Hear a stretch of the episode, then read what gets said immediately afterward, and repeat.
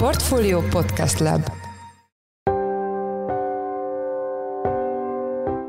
Mindenkit üdvözlünk, ez a Checklist, a Portfolio munkanapokon megjelenő podcastje augusztus 19-én pénteken. A mai műsor első részében a bankok betéti kamat ajánlataival foglalkozunk, azok ugyanis korán sem követték az alapkamat emelkedését, és csak a leggazdagabb ügyfelek egyedi kamatai húzzák fel a statisztikát. Ugye azt láthatjuk, hogy a nagy bankok csak elvétve kínálnak értékelhető betéti kamatot a lakosság számára, és ezt a jelenséget már fél évvel ezelőtt is bírálta a Magyar Nemzeti Bank, mondván, hogy a monetáris transmisszió, amelynek érvényesülnie kellene a jegybanki kamatemelések során, az a betéti oldalon a bankoknál kevésbé érvényesül. A témával kapcsolatban Palkó István, a portfólió pénzügy rovatának vezető elemzője lesz a műsor vendége. Az adás második részében a részvénypiacon két hónapja megfigyelhető ralliról lesz szó, amit a technikai elemzések szerint hamarosan korrekció követhet. Én Pitner Gábor vagyok, a Portfolio Podcast Lab szerkesztője, ez pedig a checklist augusztus 19-én.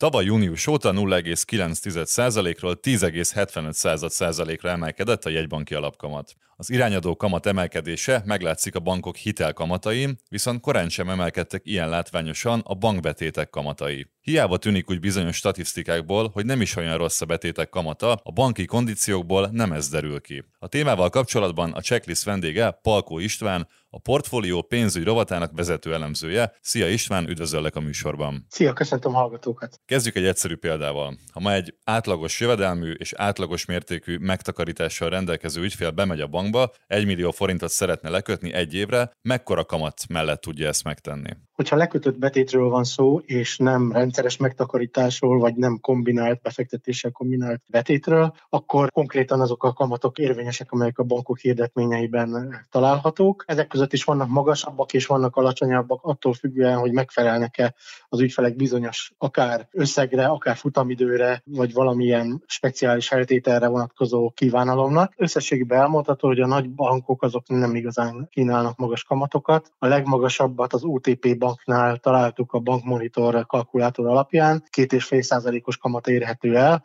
de ez is csak bizonyos feltételekkel. Ennél magasabb kamatot a Magnet banknál, illetve a Granite banknál találtunk, 9,25, illetve 3,75 százalékos kamattal, de például a legmagasabb kamat az ez esetben is változó, tehát hogyha lejjebb jön a kamat környezet, akkor akár néhány hónap alatt átározódhat. Azok a kamatok, amelyeket említettem, 1 millió forintra és egy évre érvényesek. 10 bankot vizsgáltuk meg, ezeknek a súlyozatlan átlaga az 1,7%-ra jött ki. Ez azért érdekes, mert az MNB átlagkamata az 3,8 0,8%-ot mutatott június hónapban, ehhez képest a banki átlagkamat még úgy is, hogy a kisebb méretű, de elég magas kamatot kínáló bankokat is figyelembe veszük, mindössze 1,7%. Tehát, jól értem, akkor a felmérésből kijött szám jóval alacsonyabb, mint az MNB statisztikáiban lévő szám. Mi az oka ennek az eltérésnek? Több szempont is eszünkbe jutott, ami ezt okozhatja. Az egyik az az, hogy elképzelhető, hogy privátbanki ügyfelek nem a kondíciós listák alapján, hanem egyedi árazással ennél jóval magasabb kamatokat képesek elérni. Egy másik lehetőség az volt, hogy a kombinált megtakarítási termékeket ez a gyűjtésünk ez nem veszi figyelembe, és a befektetési hozamok azok valójában egy magasabb hozamot képesek ezeknél a kamatoknál kihozni, Harmadrészt pedig az is eszünkbe jutott, hogy a statisztikák azért torzíthatnak, mert az új szerződések esetében nagyon felülreprezentáltak lehetnek a kisebb méretű bankok, hiszen új szerződést mondjuk nagyobb bankoknál nem nagyon kötnek az ügyfelek, és a, az új szerződéses statisztikákban a kisebb bankok magasabb kamatai esetleg így felül vannak reprezentálva. Ugyanakkor az utóbbi két lehetőséget elvetettük. A befektetéssel kombinált megtakarítások ugyanis nem húzhatják fejebb a statisztikát, hiszen a befektetési résznek a hozamát nyilvánvalóan nem lehet kimutatni egy betéti átlagkamat statisztikájában. A kisebb méretű bankok pedig nem torzíthatják ennyire a statisztikát, ugyanis az MNB adatai azt mutatják, hogy több száz milliárd összegben kötöttek új betéti szerződést a háztartásokkal bankoknál, és a kisebb bankok nem képesek ekkora új ügyfélforrásnak a bevonására. Tehát nagy bankok állhatnak a magas statisztika mögött, hogy aztán mégis mi az igazság, arról megkérdeztük az MNB-t, és az MNB azt kommunikálta felénk, hogy több dolog húzza felfelé a kamatot. Két dolgot emeltek ki, egyrészt a részben nagy összegű hónapon belüli betétlekötések, másrészt pedig júniusban nagy treasury betétlekötések történtek, amelyek fokozták ezt a felfelé irányuló hatást. Tehát az a gyanunk látszik igazolódni, hogy elsősorban privátbanki vagy legalábbis módosabb, nagyobb jövedelmi, nagyobb vagyonnal rendelkező ügyfelek azok, akiknek az új betét lekötései akár a nagy bankok esetében is felfelé húzzák az átlagos betéti kamat statisztikát. Az MNB-nek intézkednie kellene, hogy a kamatemeléssel járó úgynevezett monetáris transmisszió megvalósuljon? És milyen intézkedéseik voltak a kereskedelmi bankok irányába, hogy ez a betéti kamat kérdés tisztázódjon? Igen, ugye azt láthatjuk, hogy a nagy bankok csak elvétve kínálnak értékelhető betéti kamatot a lakosság számára, és ezt a jelenséget már fél évvel ezelőtt is bírálta a Magyar Nemzeti Bank, mondván, hogy a monetáris transmisszió, amelynek érvényesülnie kellene a jegybanki kamatemelések során, az a betéti oldalon a bankoknál kevésbé érvényesül. Akkoriban évelején tavasszal elterjedt az, hogy esetleg az MNB vagy a kormány egy kamatpadlónak a bevezetésével arra kényszeríti a bankokat, hogy egy minimum szintnél magasabb kamatot kínáljanak az ügyfelek számára. Ugyanakkor nem ez lett a sztorinak a végkifejlete, vagy legalábbis a köztes kifejlete, hanem a kormány ezt a jelenséget pétézte ki akkor, amikor a banki úgynevezett extra profit adót bevezette. Az idei költségvetési tervek szerint egy alig 60 milliárd forintos bevétele lett volna a kormánynak a bankadóból. Ezen túl még egy több mint 200 milliárdos tranzakciós illetéket is egyébként beszednek tőlük. De ezt a 60 milliárd forintos bankadót, ezt megfejeltem most további, ennek a többszörösére rúgó 250 milliárd forintos extra profit adóval a kormány és Nagy Márton gazdaságfejlesztési miniszter azzal indokolta ennek a bevezetését, hogy ez azért van, mert a 0,3%-os átlagkamat mellett bevont lakossági forrásokat a bankok akkori kamatszint alapján képesek voltak 7% környékén kihelyezni, akár hitel, akár állampapír formájában. Most ez a 7% azóta már két számjegyű kamatozást jelent, tehát még tovább emelkedett az a banki marzs, amit a lakossági betétek, illetve a hitel kamatok között realizálhatnak a, a bankok, de igazából ennek egy jelentős részét azt a kormány most elvonja egy 250 milliárdos banki extra profitadó formájában, tehát eh, nem mondható az, hogy valamiképpen ne reagált volna a gazdaságpolitika arra a jelenségre, hogy a betéti kamatok azok továbbra is alacsonyan vannak. Tegnap megjelent egy friss MNB statisztika arról, hogy a mostani gazdasági környezetben mit kezdenek a magyarok a pénzükkel. Hol állt a bankbetét ebben a listában, és megfigyelhető valamilyen változás a magyarok befektetési szokásaiban? Elmondható az, hogy a folyószámla betét az továbbra is a legnépszerűbb megtakarítási termék, de ezt ugye egy kicsit keserű szája lehet mondani, hiszen nem azért népszerű, mert olyan előnyökkel járna a lakosság számára, hogy ide tegyék a legnagyobb összegeket, hanem egyszerűen kényszerűségből nem látnak olyan megtakarítási formákat a lakossági ügyfelek, hogy megérné máshova vinni, vagy úgy éreznék, hogy, hogy érdemes nagyobb kockázatot vállalva máshol elhelyezni de ugye mivel a lakossági látra szóló betéteknek az átlagkamata az gyakorlatilag 0% körül van, ha jól emlékszem, akkor 0,15% tehát ennyit fizetnek a teljes állományra átlagosan a bankok. Ezért elmondható, hogy az infláció ellen sajnos ez a megtakarítási forma nem véd. Ugyanúgy nem véd, mint ahogyan a készpénz sem, és hát most már sajnos az állampapírok is egyre kevésbé, hiszen a legnagyobb összegek még olyan állampapírokban vannak, amelyeknek elavult a kamatozása, tehát például egy MÁ plusz, ami 5%-ot fizet, az nem képes arra, hogy az infláció ellen védje a megtakarítókat, de például a baba kötvény vagy a PMAP is, amelyek elvileg infláció követők, azok a jelenlegi infláció ellen most még nem védenek, hiszen a tavalyi átlagos inflációt követik az árazásukban. Tehát elmondható, hogy igazából a lakossági megtakarítások nagy része sajnos olyan instrumentumban van, és itt kiemelt szerepet élveznek a látra szóló betétek, amelyeknek 10 milliárd forint fölött van az állományuk, amelyek sajnos az infláció ellen nem védenek, és nominálisan is alig észrevehető kamatot biztosítanak. Tehát akkor azt veszem ki a válaszodból, hogy a bankbetétek nem lehetnek alternatívák a befektetőknek, hogyha az infláció szintjét szeretnék elérni. Eljöhet még az az idő, ami 2010 előtt volt, hogy a lakosság vadászni fogja a jó betéti kamatokat, és válogat majd a bankok ajánlatai között? Hát ugye a lakosság lehet, hogy ezt tenné most, csak nincs erre megfelelő kínálat a banki oldalon. Hogy ez a helyzet megváltozzon, és visszatérjenek az 5-10 százalékos os vagy akár az inflációt meghaladó 15-20%-os kamatok, az arra lenne szükség, hogy a bankok rá legyenek szorulva a lakossági forrásokra, de most nem ez a helyzet, a bankok likviditási állapota, a helyzete az, az rendkívül kielégítő. Van egy úgynevezett likviditás fedezeti mutató, az LCR ráta, ez a szabályozói minimumhoz képest 235%-on áll, vagy ott van például a hitelbetét aránya, ami szintén a bankok likviditási helyzetét mutatja. Ez 80% volt konszolidáltan nézve a magyar bankszektorban március végéig legutóbbi adat szerint. Mindez azt mutatja, hogy a bankok jóval több betéttel rendelkeznek, mint amennyi hitelt ki tudnak helyezni. Ennek következtében nincs szükségük arra, hogy további forrásokat vonjanak be. Egyelőre ez a helyzet, és hát nincs is egyelőre nagy kilátás arra, hogy ez megváltozik, hiszen a bankoknak a hitelezési aktivitása nagy valószínűséggel ebben a fél évben már csökkenni fog, hiszen a hitelkereslet a magasabb kamatok miatt csökken, a hitelállomány az nem nő majd olyan dinamikusan, miközben a betétállomány azért most is emelkedik, de úgy tűnik, hogy a hitelbetét arány az közeljövőben nem fog 100% fölé menni, vagy a felé sem közelíteni, úgyhogy egyelőre nem számíthatunk intenzív betéti kamat versenyre.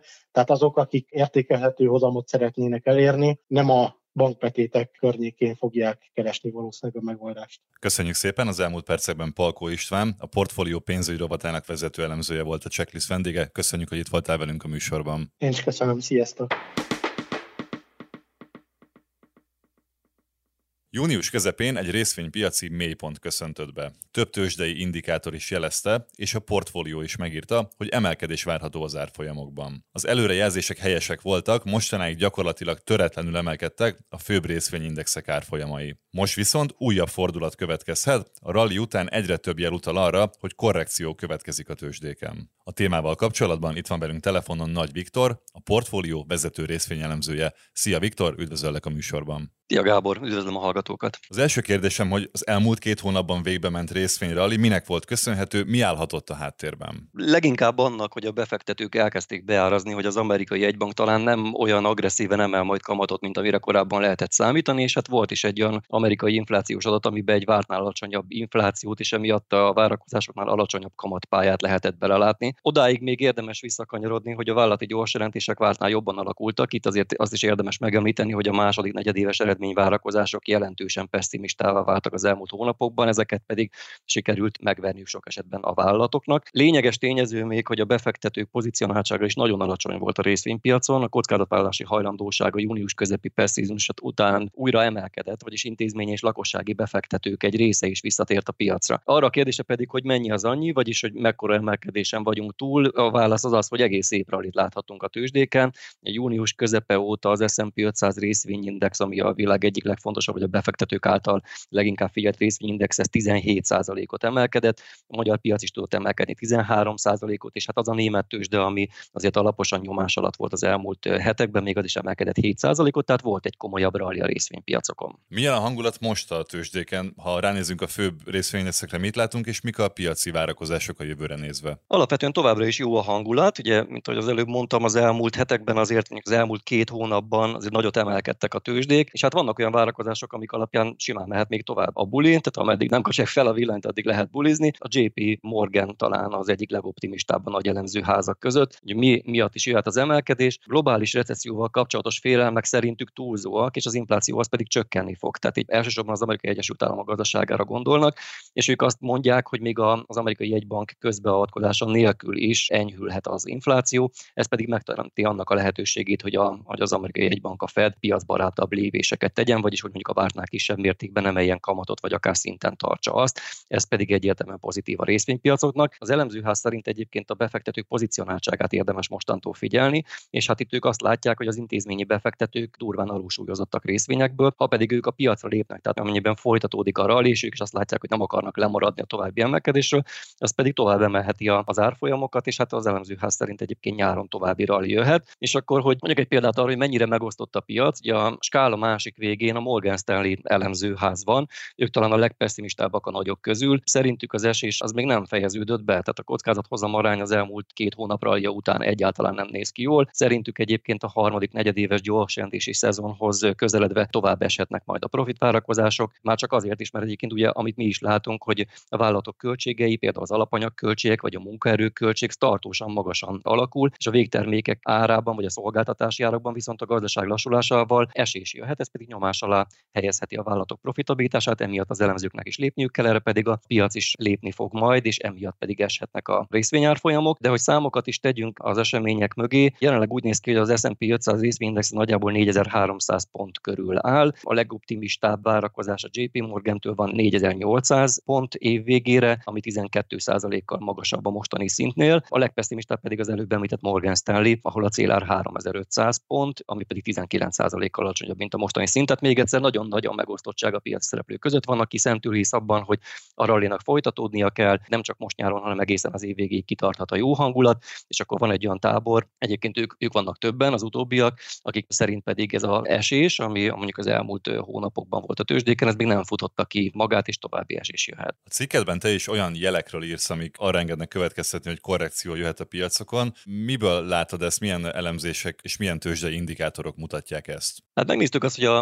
nagy részvényindexek, és leginkább egyébként az S&P 500, amit tehát mondhatjuk azt, hogy az egyik legfontosabb részvényindex és vezeti a, a rallit, azt látjuk, hogy egy ekkora emelkedés után, tehát 17% amiről beszélünk június közepe óta, egy ekkora rally után azért már vannak olyan indikátorok, vannak olyan trendvonalak, fontosabb szintek, amik azt mutatják, hogy itt azért mondjuk megállhat ez az emelkedés, és valamiféle korrekció elindulhat a piacon. Egyébként az elmúlt órában ez már valamelyest körvonalazódott is. Tehát megnéztük például azt, hogy az elmúlt hónapok árfolyam grafikonján mi rajzódott ki, és itt egy elég markáns trend csatorna alakult ki, aminek most a felső szélénél jár az index, tehát itt azért megjöhetnek a, az eladók. Egy másik indikátor, az RSI indikátor, ennek az értéke az kifejezetten magas most. Utoljára egyébként tavaly novemberben láttunk ennél magasabb értéket RSI-ben az S&P 500 részvényindexnél, mint ahol most áll. Ilyenkor egyébként ez ilyen kontraindikátorként szokott működni, tehát hogyha nagyon jó a hangulat és nagyon nagy túlvettség alakul ki, akkor abból könnyen jöhet egy lefordulás. Ami még fontos szerintem, megnéztük, hogy a havi grafikon hogyan néz ki,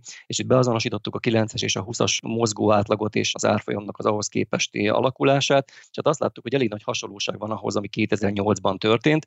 Ott is az volt, hogy a mozgó átlagokon átesett az árfolyam, és visszatesztelés után onnan indult meg a nagy lejtmenet. Most nagyon hasonló a technikai kép, tehát hogyha ha most tényleg elindul a korrekció a tőzsdéken, az egy ilyen lavinaszerű esést hozhat majd, meghozhatja az eladókat, és abból egy komolyabb esés is jöhet, és egyébként meg a 200 napos mozgó átlag, amit a befektetők rendszerint figyelnek, ez is most nagyjából ott van, ahol az árfolyam, minden is azért jöhet egy, egy lefordulás, és egyébként pedig érdemes hozzátenni a befektetői hangulatot, ebben pedig azt látjuk, hogy miközben június közepén már rendkívüli pessimizmus alakult ki, mostanra nagyjából kiegyensúlyozott lett a helyzet, tehát újra van tere annak, hogy egyre pessimistábbá váljanak a befektetők. Köszönjük szépen az elmúlt percekben Nagy Viktor, a portfólió részvényrovatának vezető elemzője volt a műsor vendége. Köszönjük, hogy itt voltál velünk. Köszönöm én is, sziasztok!